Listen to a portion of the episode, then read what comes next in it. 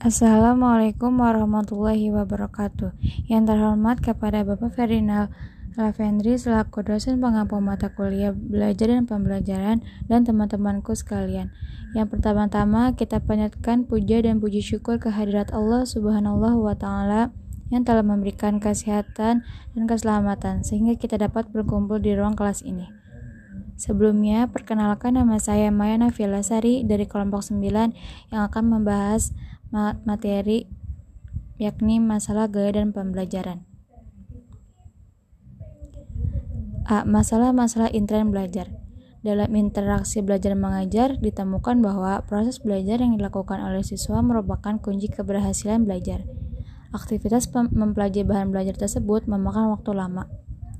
Mempelajari tergantung pada jenis dan sifat bahan. Lama waktu mempelajari juga tergantung pada kemampuan siswa.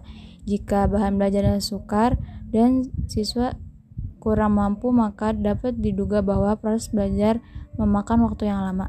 Sebaliknya, jika bahan belajar mudah dan siswa berkemampuan tinggi, maka proses belajar memakan waktu yang singkat.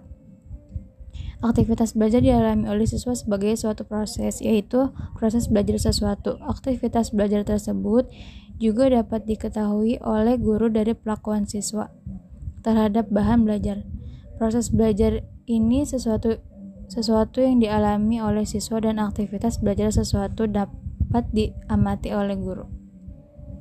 Adapun faktor-faktor inten yang dialami dan dihayati oleh siswa yang berpengaruh pada proses belajar yaitu satu sikap terhadap belajar, yang kedua motivasi belajar, yang ketiga konsentrasi belajar, yang keempat mengelola bahan belajar, yang kelima menyimpan perolehan hasil belajar, yang keenam menggali hasil belajar yang tersimpan, yang ketujuh kemampuan berprestasi atau, atau unjuk hasil belajar. Yang kedelapan, rasa percaya diri siswa. Kesembilan, inteligensi dan keberhasilan belajar. Yang kesepuluh, kebiasaan belajar. Yang kesebelas, cita-cita siswa. B. Faktor-faktor intrins belajar. Proses belajar ini didorong oleh motivasi intrinsik siswa. Di samping itu juga proses belajar juga dapat terjadi atau menjadi bertambah kuat bila didorong oleh lingkungan siswa. Dengan kata lain, aktivitas belajar ini juga dapat meningkat bila program pembelajaran disusun dengan baik. Program pembelajaran ini juga sebagai rekayasa pendidikan guru di sekolah merupakan faktor Einstein belajar ditinjau dari segi siswa, maka ditemukan beberapa faktor Einstein yang berpengaruh pada aktivitas belajar. Faktor-faktor Einstein tersebut yaitu adalah satu, guru sebagai pembina siswa belajar. Yang kedua, prasarana dan sarana pembelajaran. Yang ketiga, kebijakan penilaian. Yang keempat, lingkungan sosial siswa di sekolah. Yang kelima, kurikulum sekolah.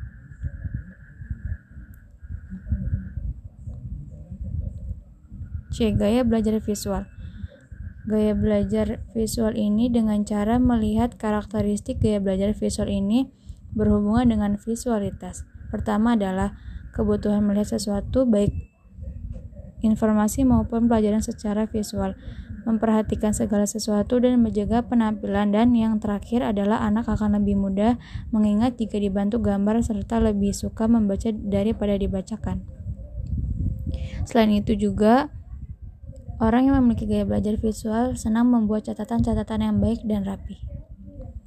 Ciri-ciri gaya belajar visual yaitu satu, rapi dan teratur, kedua, membaca cepat dan tekun, tiga, mementingkan penampilan baik dalam hal pakaian maupun presentasi, keempat, lebih mudah mengingat dan melihat, kelima, tidak terganggu dengan suara ribut atau berisik. Kendala dalam gaya belajar visual itu adalah Keterlambatannya menyalip pelajaran di papan tulis dan tulisannya berantakan sehingga tidak mudah terbaca peserta didik. Yang mampu gaya belajar ini lebih suka melihat daripada mendengarkan. D. Gaya belajar audit auditori. Gaya belajar auditorial ini berhubungan dengan masalah pendengaran peserta didik. Karakteristik gaya belajar seperti ini menempatkan pendengaran sebagai alat utama menyerap informasi atau pengetahuan. Ciri-ciri gaya belajar gaya belajar auditorial adalah satu berbicara kepada diri sendiri saat bekerja kedua menggerakkan bibir mereka dan, dan mengucapkan tulisan di buku ketika membaca ketiga mudah ingat daripada yang didengarkannya yang keempat tidak mudah eh, tidak bisa belajar dalam suasana berisik yang kelima senang dibacakan atau mendengarkan. Eh gaya belajar kinestik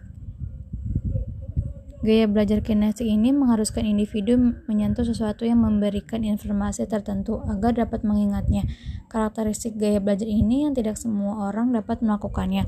Karakter, karakter pertama adalah menempatkan tangan sebagai alat penerima informasi utama agar terus dapat mengingatnya.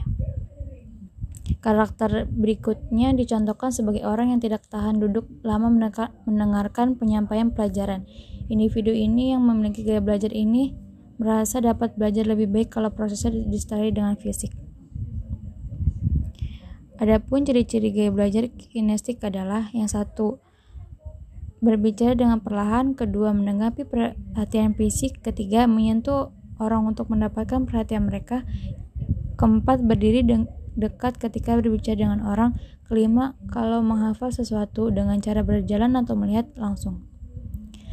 Kendala dalam belajar visual ini adalah keterlambatannya menyiapkan pelajaran di papan tulis dan tulisannya berantakan, sehingga tidak mudah terbaca. Peserta didik yang mampu mempunyai gaya belajar ini lebih suka melihat daripada mendengarkan. Learning, di mana anak ini ikut terlibat dalam proses belajar, peserta didik yang menyukai gaya ini lebih suka bergerak dan tidak betah duduk lama. Terima kasih. Wassalamualaikum warahmatullahi wabarakatuh.